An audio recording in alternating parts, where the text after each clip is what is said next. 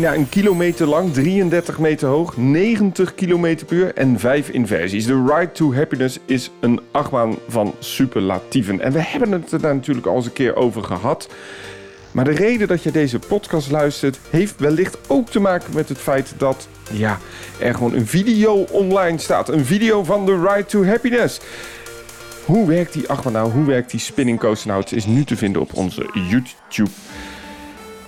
Die video hebben wij niet alleen gemaakt. We hebben dadelijk of de Lee of de To van Lito Coasterkop in deze podcast. Maar voordat ik diegene erbij ga roepen, moet ik natuurlijk eerst even onze sponsor bedanken. Everest Music. Mooie muziek, hè? Ja, mooi. Heel mooie muziek. Niet liegen, het zit er nog niet onder. hey, spreek ik nu met de Lee of met de To? Met de To. Ja, Tom, ja, welkom in de show, welkom in de podcast. En de reden dat we jou hebben gevraagd is eigenlijk omdat jij gewoon keihard onderdeel bent van uh, Theme Park Science op dit moment. Ja, dankjewel. Ja, dat klopt. Uh, ik ben vorige keer meegeweest met de stoomtrein-video, dus uh, dat was al heel leuk om dan mee te samen te werken. En nu met Tomorrowland en The Right to Happiness, dat was geweldig. Oh, ik denk dat ik die opname op Tomorrowland wel gemist heb, maar je bedoelt natuurlijk in Plopsaland. ja... Ja, dat is heel leuk. Hey Tom, stel jezelf even voor voor de mensen die jou niet kennen en waarom jij onderdeel bent van Theme Park Science. Wat doe je daar precies? Uh, ik maak vooral uh, sfeerbeelden, sfeershots. Dus wanneer dat uh, Nick, de hoofdcameraman, bezig is met al de belangrijke talking head video's te maken, ben ik ondertussen bezig met allemaal detailshots, met sfeerbeelden, met uh, allemaal andere zaken te filmen waar dat er op dat moment misschien minder tijd voor is, maar dan toch de video die extra touch geeft. En dat doe je hartstikke goed, inderdaad. We kennen een aantal van jouw shots op uh, in de Efteling Stoomtrein video, maar een aantal shots heb je ook geleverd. En die was ook bij de opname natuurlijk van de Ride to Happiness video. Uh, maar je hebt ook een eigen YouTube kanaal, hè? Ja, Little Coaster Couple. Dus L-I-T-O Coaster Couple. Hè? Uh, niet little, zoals veel mensen uh, af en toe keer eens verkeerd doen. Maar daar maken we heel veel cinematic off-rides van uh, acht banen. En af en toe doen we ook een keer eens een, een vlog bij. Ja, want wie is dan de, wie is dan de Lee? Lee, dat is Lisbeth, dat is mijn vriendin. We zijn nu al negen jaar samen, bijna tien jaar.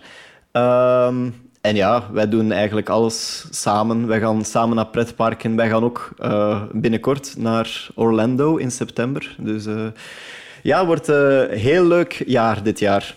We hebben het in uh, Theme Park Science, de podcast, al gehad over de Ride to Happiness. Um, dat is Theme Park Science 13. En toen heb ik met um, Rick eigenlijk al gepraat over het ontstaansgeschiedenis van MAC. Hoe is nou die spinning coaster ontstaan? Daar gaan we het in deze podcast niet over hebben. Maar ik ben wel gewoon heel benieuwd, want we hebben nu gewoon een internationale gast in de show.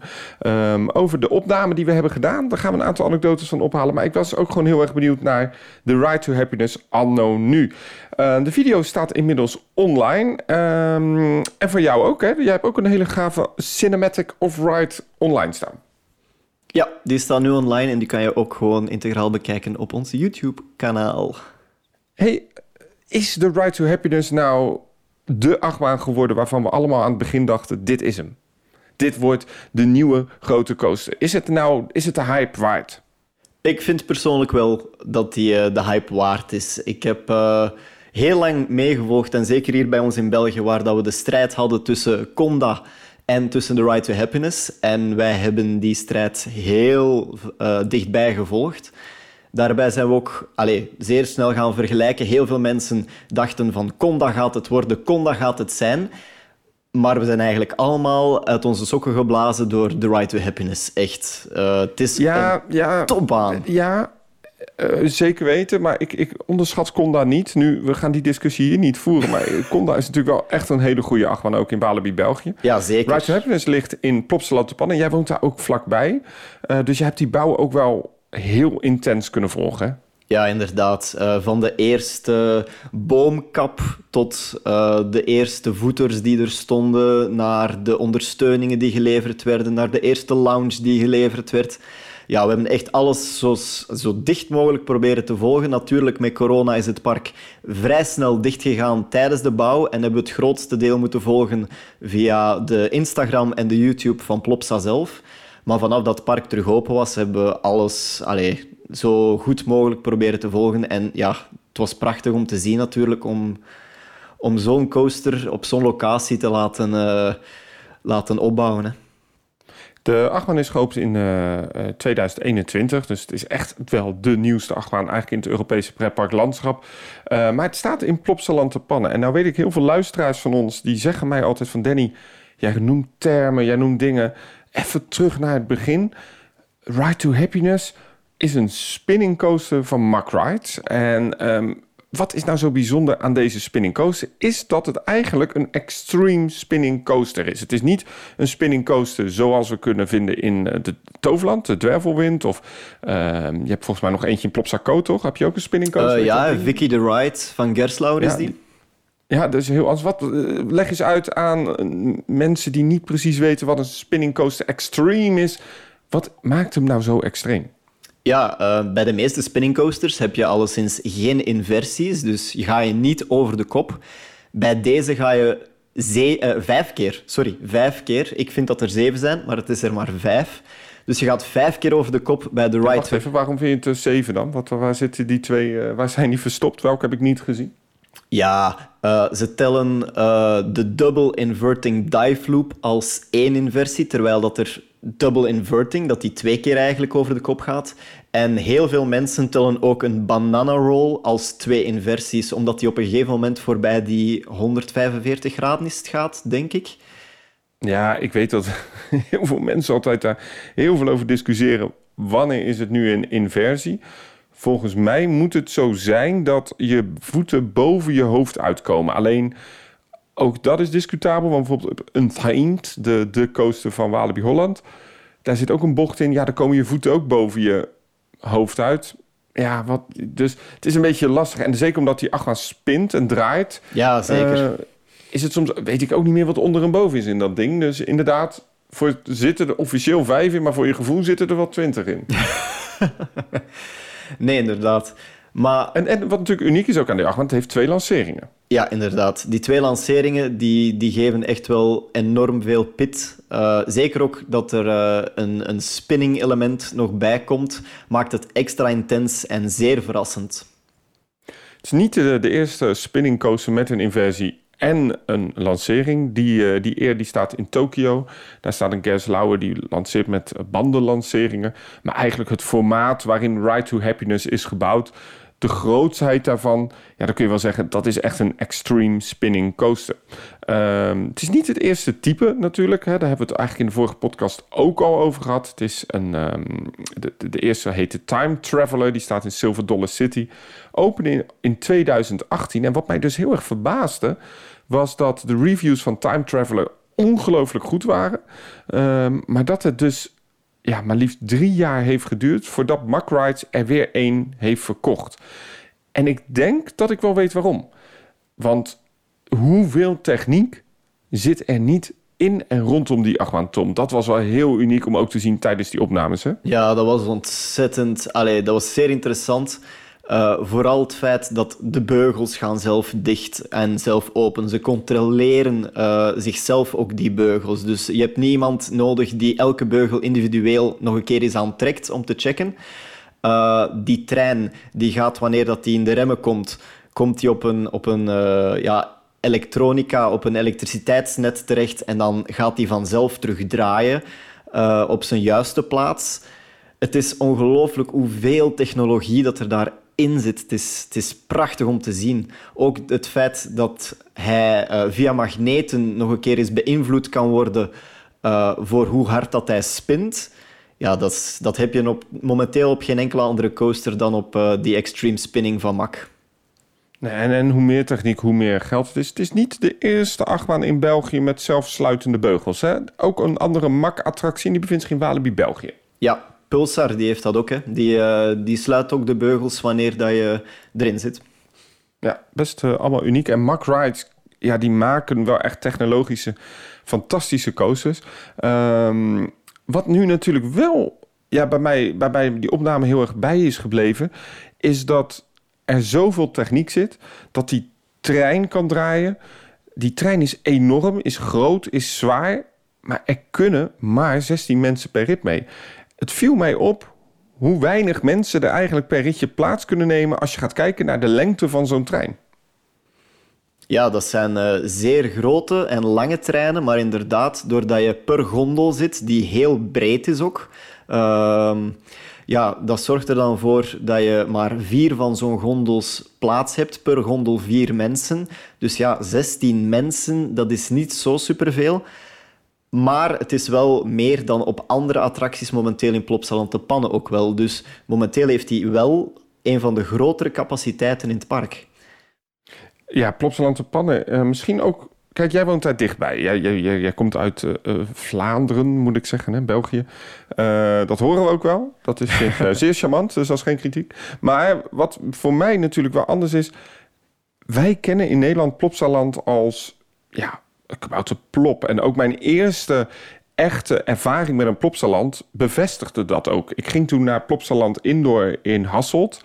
En ik dacht, ja, dit is hoe ik denk wat Plopsaland is. Hoe kan het dan zijn dat zo'n kinderlijk park investeert in zo'n enorme coaster? Of, en dat is dan mijn vraag aan jou... Hoe wordt Plopsaland nou eigenlijk echt beoordeeld in België? Hoe kijken de Belgen naar een Plopsaland? Is het dat kinderlijk park of juist niet? Goh, ik vind dat er daar twee dingen in zijn. Ik denk dat er heel veel mensen zijn die nog altijd kijken naar Plopsaland als het kinderpark, het park waar dat je naartoe gaat met je gezin. Um, nu met The Right to Happiness erbij en ook met Anubis vroeger en ook met Heidi een klein beetje, is dat al een klein beetje veranderd. En zijn er toch al meer tieners die weten van kom, we gaan ook naar Plopsaland in de plaats van naar een Walibi of naar een Bobbejaanland. Want in België is het echt wel vooral Walibi, daar ga je naartoe als je tiener bent en als je voor al de achtbanen het heftige gaat. En dan heb je Bobbejaanland, dat ook wel goed is voor de familie, maar ook wel goede achtbanen heeft. En dan natuurlijk heb je ook nog Bellewaarde, waar dat iedereen dan denkt van oké, dat is echt ook een familie- en kinderpark. Ja, en die investeren ook wel echt in de achtbanen voor die familie. Hè? Uh, Wakala hebben we gedaan, uh, zo'n rodelbaan, uh, Dalston Duel. Kan je dus zeggen dat Plopsaland Pannen zich een beetje moeilijk kon ja, positioneren in die al vrij volle markt. En dat ze daardoor misschien ook zo'n achtbaan hebben geïnvesteerd. Want nogmaals, de vraag blijft staan: hoe kijken Belgen naar Plopsaland? Wat, wat is nou echt het, ja, het kenmerk van een Plopsaland? Is het net als in Nederland dat we denken: het is een kindpark? Ja, ik denk nog altijd de basis blijft het Studio 100 geheel. En inderdaad, het, het kindpark is inderdaad wel nog het hoofddoel. Heel veel van die kleine molens met IP's van Studio 100, ja, dat blijft wel het kenmerk van Plopsaland. En inderdaad, heel veel mensen, en dat zie je ook eigenlijk in de wachtrij voor die grotere, zwaardere attracties, zijn nog altijd uh, ja, kinderen en jonge families. En hoe kijk jij daar naar, Danny? Ja, hele goede vraag. Ik denk dat het probleem heel erg zit uh, dat wij in Nederland ja, zijn opgegroeid met de kabouterplop en K3. Uh, eh, we weten allemaal dat uh, Plopsaland onderdeel is inderdaad van Studio 100, zoals je aangaf. Uh, en als wij in Nederland aan Studio 100 denken, dan, dan, dan kom je niet verder dan een Mega Mini en een Piet Piraat. Ehm, daarmee wij hebben natuurlijk ook niet ja, die historie zo, zo, zoals we hebben met de Efteling. Hè? Als wij aan de Efteling denken, dan denken wij aan de Python, aan het Spookjebos. Dan is, zal zeggen, het merk al veel meer geladen in het land. Plopsaland moet zich eigenlijk positioneren. En dat, dat is natuurlijk ongelooflijk moeilijk, want wij nemen dit op, ja, van, op afstand van elkaar op. Wij wonen ongeveer, denk ik, zo'n 400 kilometer van elkaar af. Het is voor mij bijna twee, drie uur rijden vanuit Rotterdam naar, naar Plopsaland. Het is natuurlijk ongelooflijk moeilijk om Plopsaland in, dat, ja, in Nederland te positioneren. En ze doen het wel. Hè. Er is wel een Plopsaland indoor. Maar ja, dan ga je nog steeds dat merk Plopsaland zoals wij het kennen... Uh, hè, zoals wij als fans dat kennen, moet ik zeggen... Uh, ja, ik denk dat dat in Nederland heel, heel lastig is om, om te dekken. Um, om invulling te geven en gevoel te geven aan wat is nou Plopsaland de pannen. Um, en daarom denk ik dat heel veel mensen niet beseffen dat er inderdaad in Plopsaland Pannen een heel gebalanceerd pretpark ligt. Um, en daarmee bedoel ik dus een park wat uiteraard inspeelt op die Studio 100 doelgroep. Maar tegelijkertijd inderdaad wat je zegt, een Anubis. Hè, dat is een Gerslauer Lounge achtbaan. Uh, Heidi the Ride, dat is toch best wel een goede familie uh, houten achtbaan. En inderdaad zo'n Ride to Happiness.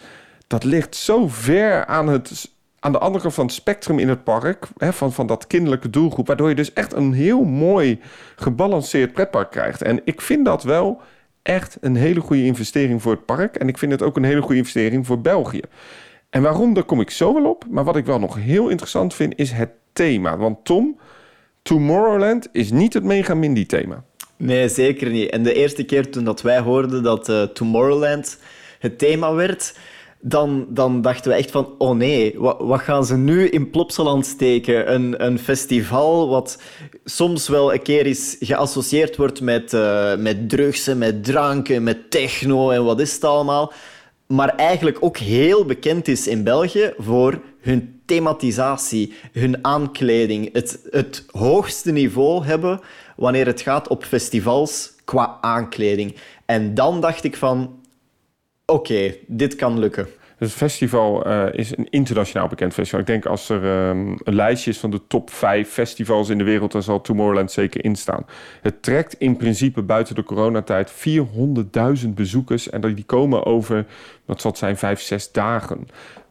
Alle artiesten zijn daar, maar bijna, mensen komen niet echt zozeer voor alleen die artiesten, maar ook echt voor die vibe die, hè, die jij zei, die, die thema, thematisatie, dat begint al bij de ticketing, dat begint al bij de hele sfeer, het decor, de randprogrammering. Het is echt een ongelooflijk groot merk in de, in de, in de wereld. En het merk wordt overigens, is het al naar een ander Plopsa-park gekopieerd. Hè? Want ze willen dit ook op een ander park al gaan introduceren. Ja, inderdaad. Holiday Park uh, staat ook al klaar om hun Tomorrowland-zone uh, te ontvangen ja, dat, en, ik ben heel benieuwd hoe ze dat gaan doen. Of daar ook een spinning coaster komt of wat dan ook. Uh, wellicht als we dit uitzenden is het al, uh, is het al bekend. Maar ik ben heel benieuwd wat ze daarmee gaan doen. Maar het is eigenlijk best wel slim van zo'n Plopsa-park... of van Plopsa-land in, in het algemeen... Um, om zo'n merk gewoon te krijgen. Want dit is wel een doelgroep, hè? Ja, dit is inderdaad een doelgroep. Eigenlijk een doelgroep waar dat parken zoals Walibi uh, ook al enorm hard zitten op te azen eigenlijk. Uh, zeker in Walibi Holland heb je daar die festivalization. En dan krijg je ineens Plopsa met een kinderpark die dan gewoon de, de, ja, de hoofdspeler binnen de festivalwereld gewoon binnenhaalt. Ja, en, inderdaad, Walibi Holland, dat een festivalthema uitstraalt, heeft ook een festivalterrein waarin ook een Lowlands, hè, dat is ook zo'n groot evenement, Defcon, Um, Truckersfestival, De Opwekking is een wat meer religieus festival. Maar het is eigenlijk onbegrijpelijk dat ze die thema's niet gewoon in dat park hebben gebruikt. Maar goed, los van die discussie. als we dan nu eens gaan kijken. Um, ja, hoe valt dat nu in het park? Even gewoon jouw eerlijke mening. Uh, hoe valt dat hele Tomorrowland-thema nu in dat park? Is het nou echt heel raar? Of wat, wat vind jij ervan? Goh, persoonlijk vind ik het nog wel lukken. Um, het Tomorrowland-thema uh, bevindt zich ook in een afgesloten deel. Dus je hebt maar één toegangsweg tot het thema. Um, je moet er wel, allez, je kijkt wel erop vanuit uh, de plopzone, dus waar dat alles rond Kabouter Plop uh, gaat, kijk je eigenlijk recht in het Tomorrowland-thema, wat misschien een klein beetje gek is. Maar vanaf dat je... ligt een vrij grote achtbaan door die hele plopzone, ja. Ja, dat is ook. Uh, maar wanneer dat je in de Tomorrowland-zone zelf staat, dan vergeet je eigenlijk dat je in een kinderpark als Plopsa zit. Uh, ik vind het eigenlijk zeer geslaagd. Je zit daar echt volledig omringd. Je hebt een 360 graden experience bijna, waar dat de coaster rond je heen gaat. Je hebt daar een festivaltent, je hebt daar uh, heel lekkere frietjes. Ja, moet ik wel zeggen dat elke keer als ik daar nu ben, dat dat ook wel weer een beetje is wegbezuinigd. Hè? Want ik was daar natuurlijk met de persopening en in die beginperiode.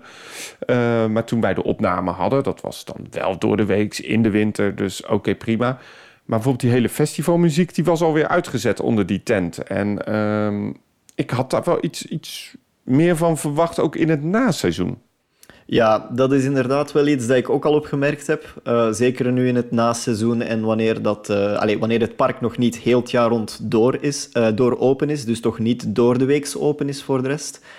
Ja, het is een beetje jammer. We hebben ook al heel lang moeten terugwachten op de loaded fries die ze daar aanbieden met de chili con carne. Ja, het is een beetje jammer dat dat nu eventjes op pauze staat, maar we hopen dat het tijdens de zomer terug uh, eh, 100% uh, ervoor gaat. Uh, vorige zomer... Ja, maar ik vind wel... ja, sorry dat je onderbreekt, maar ik vind wel het thema van die achtbaan, toen ik hem deed daar rond die persopening, de previews, de soundscape, de lounge muziek, je snapt dat thema veel beter als het gewoon compleet wordt aangeboden. Ja, dat klopt. Uh, die hele vibe in die wacht, ook als je even moet wachten, vind ik wel lekker, want je hebt dan die, die teksten die je hoort. Uh, de hele soundscape vond ik fantastisch, zowel van de muziek in de wachtrij, buiten, maar ook in de trein. En ik merk wel, als dat allemaal niet aangeboden wordt zoals het is bedoeld, ja, dan is het gewoon een achtbaan met een beetje thematisatie en onboard muziek. Dan mis ik wel dat festival idee, ja, idee eigenlijk. Ja, ik snap je wel. En ik kan me daar ook volledig in vinden. Um, het is wel jammer natuurlijk dat het nu tijdens het offseizoen zo is, maar tijdens het uh, zomerseizoen zijn er wel heel veel speciale events, nachtevents ook geweest, waar dat er dan een DJ speelt. En dat brengt dan weer ja, dat niveau terug omhoog. Alleen jammer dat ze dat niet heel het jaar aanbieden. Nee, ik snap inderdaad dat dat ook qua kosten en qua bezoekersaantallen uh, lastig is. Maar goed, je biedt een ride to happiness aan. Je, letterlijk, de naam zegt het al. Je biedt een rit aan die jou vrolijk moet gaan maken. Hè, of die jou naar vrolijkheid brengt. Uh, dat gebeurt zeker. Het is een hele goede achtbaan natuurlijk. Maar uh, ja, dan, dan denk ik bij zo'n Tomorrowland... dat zal natuurlijk ook gewoon afspraken maken... naar de kwaliteit die het moet uitstralen. Het moet natuurlijk wel ja, het hangt wel aan dat hele bekende festival samen. En ik, ik vraag me oprecht af in hoeverre zo, zo'n afspraak nou gaat van ja, wat moeten we uitstralen ook als die achtbaan open is. Eh, is interessant natuurlijk. Het is trouwens best wel ook een dure achtbaan. Hè? We hadden het net al gezegd, waarom wordt die niet zo vaak gebouwd? Uh, het hele project kostte volgens de perswoordvoering 17,5 miljoen euro.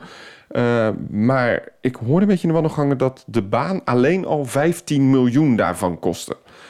15 miljoen euro is een flink bedrag. Uh, maar dan staat er ook wel iets heel gaafs.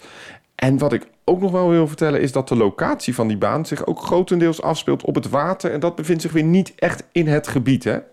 Nee, en je hebt ook van eigenlijk heel Plopsaland bijna zicht op die achtbaan. Het is echt de centerpiece uh, het meer in het midden, waar dat je normaal gezien rondwandelt wanneer dat je bij Anubis staat, of bij Prinsessia, of bij de K3-zone.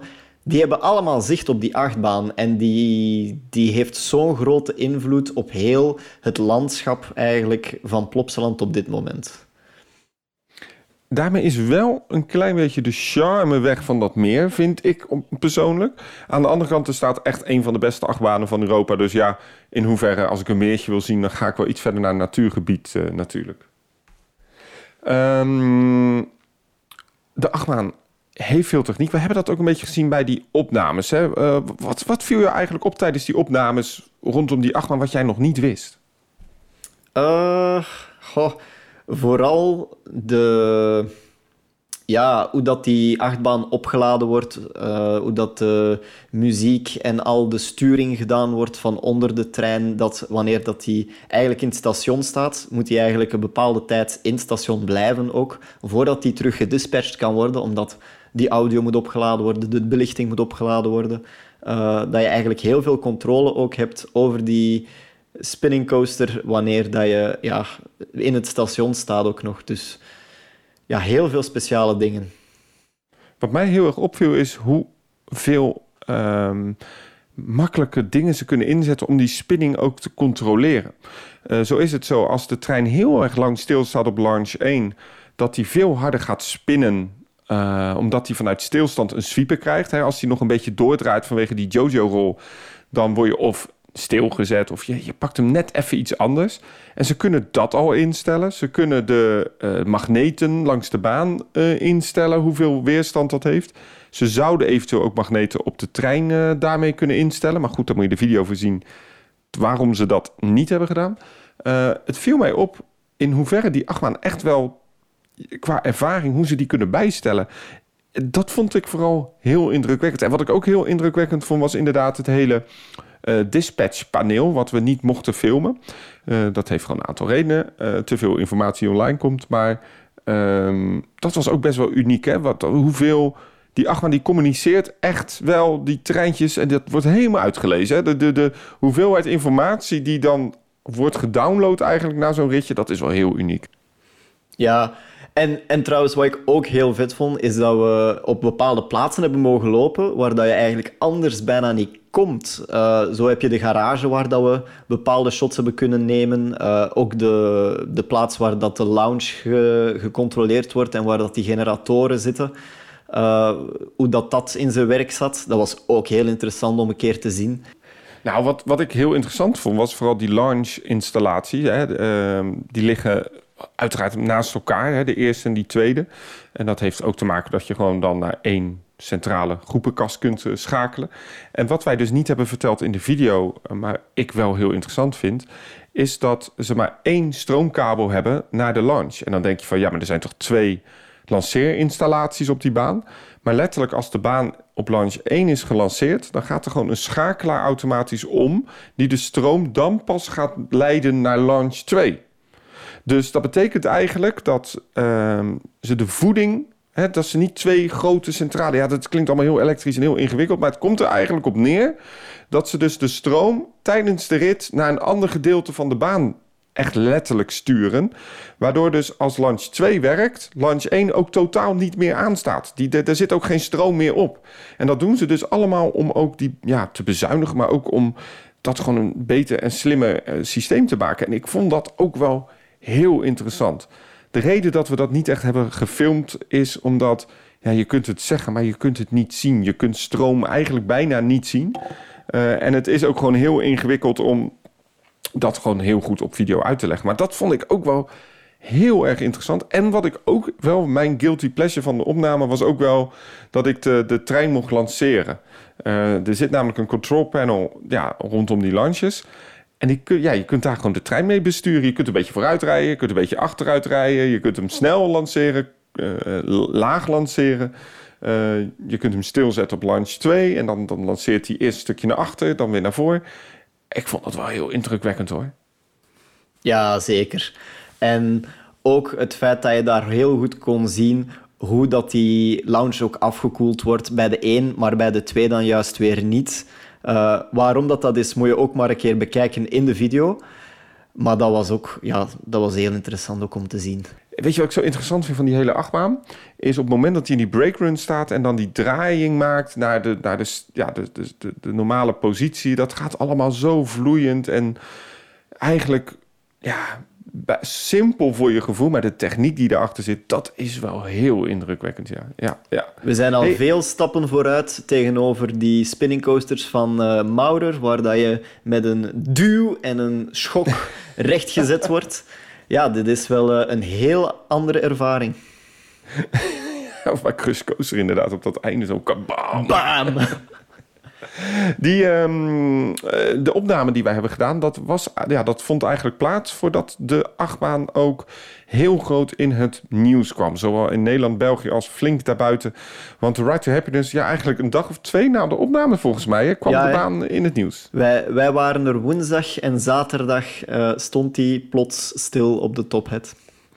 Daar moeten we het natuurlijk even over hebben. Uh, dat was groot internationaal nieuws. Nu Laten we het gelijk even uh, opnemen voor Plopsa. Het is niet heel ongebruikelijk dat een achtbaan het einde niet haalt. Hè? Dat gebeurt wel vaak bij achtbanen. Nee, dat klopt. En er zijn ook al verschillende achtbanen die ook al ongelukkig op een, uh, op een punt zijn vastgeraakt waar het normaal gezien niet lukt. Uh, kijk maar bijvoorbeeld een keer eens naar in Walibi, België, bij de Sirocco, waar dat die ooit ondersteboven in de blooping is vastgezeten.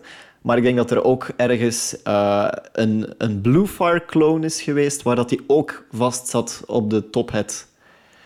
Klopt, inderdaad. Het gebeurt vaker. Meestal heeft dat te maken met ja, de temperatuur, dat de lagers niet warm zijn of dat er te veel wind is. Uh, maar het kan ook zijn dat er een sjaal of uh, ja, iets tussen de wielen is komen te zitten, waardoor de, gewoon de baan te veel weerstand heeft. Op dit moment is daar een onderzoek gaande, dus we zouden kunnen speculeren wat het is geweest. Uh, wat ik wel weet is dat ja, Plopsaland ligt vlak tegen de kust aan. Hè. Het ligt eigenlijk prachtig gelegen natuurlijk. en het is wel winderig geweest die periode. Ja, het was ook op uh, dat moment was er een grote storm uh, aan de Belgische kust. En ook in heel België en in Nederland was er bij jullie ook heel veel uh, problemen daarbij. En voor een of andere reden was er toch groen licht voor die achtbaan om open te zijn. Of het de reden is, ik weet het niet. We gaan het eigenlijk nooit direct weten. We gaan het onderzoek moeten op afwachten. Dat is het. En uh, de baan is op dit moment wel weer gewoon geopend. Alleen het probleem was natuurlijk bij die hele evacuatie. Hij kwam op zo'n raar stuk stil te staan. Dat ook door de storm ja, de, de, de evacuatie gewoon heel lang duurde. Hè? Hoe lang hebben die mensen stilgezeten?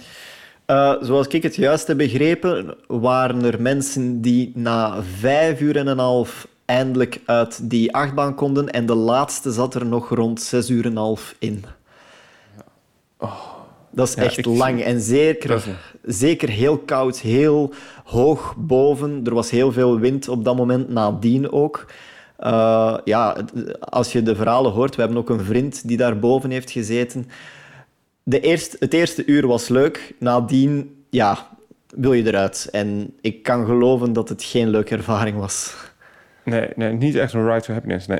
Uh, uh, maar ik heb ooit zelfs een keer stilgezeten in de achtbaan uh, Crush Coaster. En dat duurde bijna drie kwartier voordat we eruit werden gehaald. Ehm, dat vonden we inderdaad de eerste tien minuten heel leuk. Want dan, dan oh cool. Maar daarna denk je gewoon van ja, ik zit op zich ook wel heel erg vast. En waar ik eigenlijk in het begin van de podcast al zei, daar kom ik nog even op terug. Waarom ik het slim vind dat Plopsaland deze achtbaan heeft gebouwd is aan de ene kant dat zij dus nu wel dit ongelooflijke sensationele type van Mack Rides hebben geclaimd. Plopsaland heeft nu gewoon in Europa deze achtbaan kunnen bouwen. Het is een ongelooflijk spectaculaire achtbaan met ongelooflijk veel mooie technieken. En wat doe je dan als park als je zo'n investering maakt? Je gaat eigenlijk gewoon een verzorgingsgebied. Dus eigenlijk zeg je van uh, de, een paar honderd kilometer vanaf mijn park mag niemand zo'n achtbaan bouwen. En Plopsaland ligt in België. België is een vrij centraal West-Europees land. Dat betekent dus dat heel veel pretparken nooit meer zo'n achtbaan kunnen bestellen. Of, en daar komt natuurlijk waarom ik het zo slim vind, het moet in een Plopsa-park zelf zijn. En dan maak je het wel slim natuurlijk, hè? Ja, en zeker nu. Allez, je mist wel natuurlijk, doordat je aan de Belgische kust zit, dat je een halve cirkel uh, eigenlijk de zee in gaat. Uh, natuurlijk misschien een paar parken in Engeland, weet ik niet. Maar uh, nu met zowel in Plopsa de Pannen als in mogelijk Holiday Park in Duitsland ga je wel allez, grote spelers zoals een Fantasieland, zoals een Walibi, zoals een Park Asterix, ga je allemaal eigenlijk buiten spel zetten voor, zo'n, voor zo, nog zo'n type te bestellen. Ja, je wilt natuurlijk een stukje alleenrecht daarop houden. En dat snap ik heel goed. Ik snap dat heel goed. En uh, in dat geval zou je kunnen zeggen dat Plopsaland natuurlijk heel slim is geweest. Hè? Ze bouwen een, een, een ongelooflijk goede achtbaan. Heel slim internationaal thema erop geplakt. Uh, ja, dat is, dat is gewoon heel slim gedaan. En het ziet er leuk uit. Het ziet er goed uit. Zeker als dadelijk de plantjes wat meer uh, ja, groen zijn. Hè? Dat, dat kan het gebied nog wel gebruiken. En de ervaring is gewoon heel tof.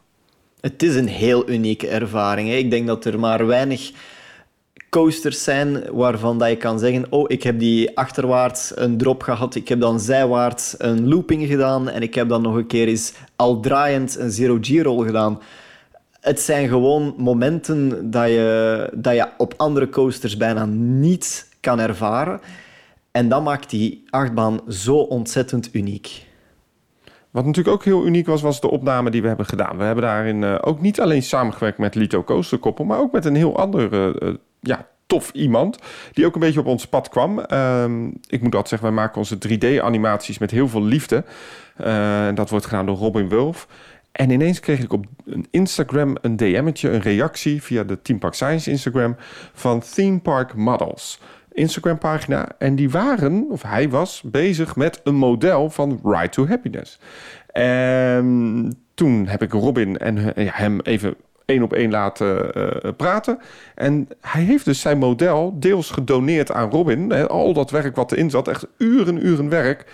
Waardoor we dus hele gave uh, animaties konden maken die ook heel realistisch zijn. En jij hebt het inmiddels natuurlijk al gezien. Uh, dat zag er wel heel spectaculair uit, hè? Ja, het zag er heel goed uit. En eerlijk gezegd, ik volgde uh, Team Park Models ook al voordien. En het zag er al prachtig uit toen dat hij bezig was met die, met die, met die hele opbouw in 3D. En nu het eindresultaat er is, ja, het is prachtig, het is geweldig. Wat vond jij dus eigenlijk van die opname aan zich? Want ik, ik, ik, even een leuke anekdote. Ik was jou ook wel heel vaak kwijt. Ja, wij hebben uh, heel veel leuke dingen mogen doen. Hè? Het, was, het was eigenlijk een hele dag bucketlist, vinkjes, aftikken. Het was... Het was uh, ja, we hebben, we hebben GoPro's op plaatsen gehangen waar dat ik denk dat nog niemand ze gehangen heeft. Wij zijn op plaatsen geweest en uh, met de gimbal gefilmd waar dat je denk ik niet snel komt. Uh, ik denk maar aan de toren van de Super Splash en ook aan uh, de eerste drop, allez, de grote drop van de Dino Splash. Daar zijn wij overal geweest voor een paar shots te maken. Ook in de garage. ja, het was prachtig. Het was geweldig om al die dingen achter de schermen te kunnen zien. Zeker als iemand die, uh, die al heel lang naar het park gaat en nog niet veel die kansen gehad heeft. Ja, ik, ik ben daar zeer dankbaar voor. Naar jullie en ook naar Plopsa toe, dat wij die kans gekregen hebben om mee te komen. Ik vind het leuk dat je dat ook zegt, want uh, Plopsa heeft natuurlijk uh, heel veel werk ook weer gehad aan zo'n opname kregen prachtige begeleiding, maar ook uh, Kjell, die wij meekregen als, als technical manager, assistant manager. Die wist zo gepassioneerd van alles te vertellen. En dat maakt het ook wel heel tof. Hè? Wat je dus ziet bij zo'n opname is dat we op een gegeven moment echt moeten, ja, kill your darlings. Hè? Dat de originele video die je hebt gezien qua content, die is veel langer dan die nu online staat. Dat heeft te maken met de flow, met dat, dat je toch een bepaalde aandachtspannen op YouTube hebt. Maar de hoeveelheid informatie die we ook buiten de shots kregen, dat was wel heel uniek. En ik moet je heel eerlijk zeggen, we gingen samen omhoog op die supersplash. Dat was is ongeveer, denk ik, nou, wat zal het zijn, 15 tot 30 meter daartussen ergens. Ja, ik denk het. Dat, was echt, dat ik dacht van, joh, al die trappen omhoog, maar dan dat uitzicht wat je had. En ik zag jou helemaal glunderen en genieten met jouw gimbal en al je apparatuur. Dat ik dacht van, nou, dat vind ik ook wel heel leuk om te zien hoor. Ja, dat was echt een prachtig moment. En dan ook eventjes... Uh op mijn gat zitten, even de, een fotootje maken. Ja, moet toch gebeuren. Moet gebeuren. En die foto's die kunnen we ook terugvinden. Maak eens even reclame. Waar kunnen we jou vinden? Ja, je kunt ons vinden op Instagram en op YouTube. Op Instagram is dat @litocoastercouple en op YouTube is dat ook natuurlijk Lito Coaster Couple. Ja, en anders moet je maar even de video checken. Daaronder zal vast een linkje staan naar jullie kanaal. Uh, ik hoop eigenlijk dat je nog wel vaker komt, want ik krijg best wel veel complimenten over de shots. Dus uh, kom je nog eens een keertje langs dan? Heel graag. Uh, ik hoop dat er uh, binnenkort nog een keer eens een gaatje zit in onze agenda, waardoor dat wij ook mee kunnen met jullie agenda. En dat we dan ja, weer samen kunnen werken. Mij al, maar, zonder te zeggen, we hebben al voor mij een beetje een ideetje voor een nieuw Plopsa-filmpje, toch? we hebben wel iets in, in de pijplijn, hè? Mogelijks, mogelijks. dat komt vanzelf. Nee, je kunt Team Park Size natuurlijk volgen. Onze special staat gewoon op YouTube. Ga daar alsjeblieft heen. We zouden het heel leuk vinden als je daar een like geeft. Um, en natuurlijk abonneert op alle YouTube-kanalen. Maar we zouden het vooral ook heel erg leuk vinden omdat je reageert. En dat je even laat weten wat je ervan vond, maar ook welke attracties jij nou eens, eens zou willen zien bij een opname van Theme Park Science. Um, de Ride to Happiness video, ik ben er ongelooflijk trots op. En ik moet hier dan ook toch echt zeggen dat Nick ongelooflijk veel editwerk heeft gedaan. Maar ook, we hebben een stagiair, Sven heet hij, uh, heeft echt nog wat werk gehad om alle beelden vast te, te spotten. Jij hebt heel veel werk aan gehad, want ook op jouw YouTube-kanaal staat ook een hele mooie special inmiddels. Uh, met prachtige beelden. Ik heb gewoon echt een heerlijke dag gehad. Ik ging naar huis, ik was kapot, zoals ik altijd ben na zo'n opname. Maar ik was wel helemaal happy.